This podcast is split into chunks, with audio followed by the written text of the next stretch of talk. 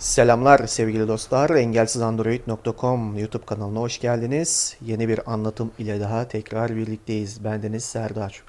Bugünkü videomuzun konusu GeoShow ekran okuyucusunda sanal tuşları tek tıkla etkinleştir hakkında olacak.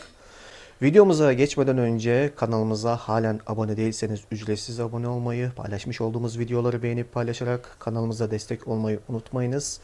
Paylaşımlarımızdan anında haberdar olabilmek için abone ol kısmının yanındaki bildirim zilini açıp tüm olarak ayarlamayı sakın ha sakın unutmayınız diyerek videomuza geçelim. www.engelsizandroid.com Android erişebilirliğinin tek adresi. Evet sevgili dostlar, sanal tuşları tek tıkla etkinleştir olayı nedir? Öncelikle ondan bahsedeyim. Malumunuzdur son nesil cihazlarda fiziksel home tuşu yani ana ekrana erişmek için e, fiziksel bir tuş e, olur ya hani eski cihazlarda e, son çıkan cihazlarda maalesef çoğu cihazda bu tuş yer almıyor.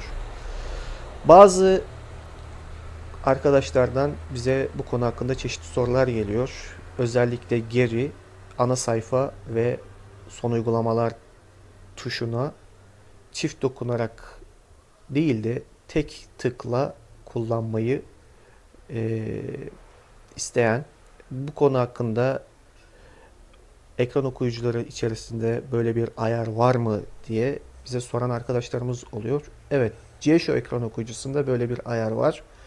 Kullanmak isteyenler için şöyle tarif etmek isterim. Öncelikle GeoShow menüsüne ulaşıp yani tek parmağımızla aşağı ve sağa hızlıca kaydırarak GeoShow ana menüsüne erişip buradan GeoShow ayarları. Dedik. Tıkladık. Devamında GeoShow 20 ekostada genel sayfa geri bildirim hareket ayar içerik seslendirme. Bildirim seslen gelişmiş. Seçeneğini bulup çift tıkladık. Ardından hareket ayarları seçeneğini bulup tıkladık. Hareket ayarları Devam ediyorum. hareket ayarları düzenleme modunda odak konumunun hatırla seçim kutusu seçili GSO menülerinde parmağı kalk sanal tuşları tek tıkla etkinleştir seçim kutusu seçili değil Sanal tuşları tek tıkla etkinleştir seçim kutusu.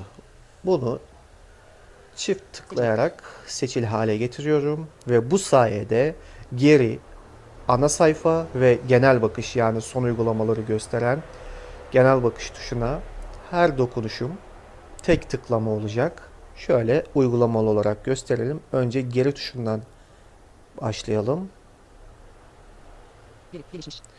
Evet, GeoShow'un bir önceki menüsüne attı bizi. Şimdi ana sayfa tuşuna dokunuyorum. ana sayfa Leonardo çekmece ana sayfa Direkt ana sayfaya döndüm. Bir de genel bakış tuşuna dokunalım. Yani son uygulamaları gösteren. son son uygulama GeoShow artık Evet, son uygulamalarda GeoShow ekran okuyucusu açık. Bunu gösterdi bize. Evet sevgili dostlar.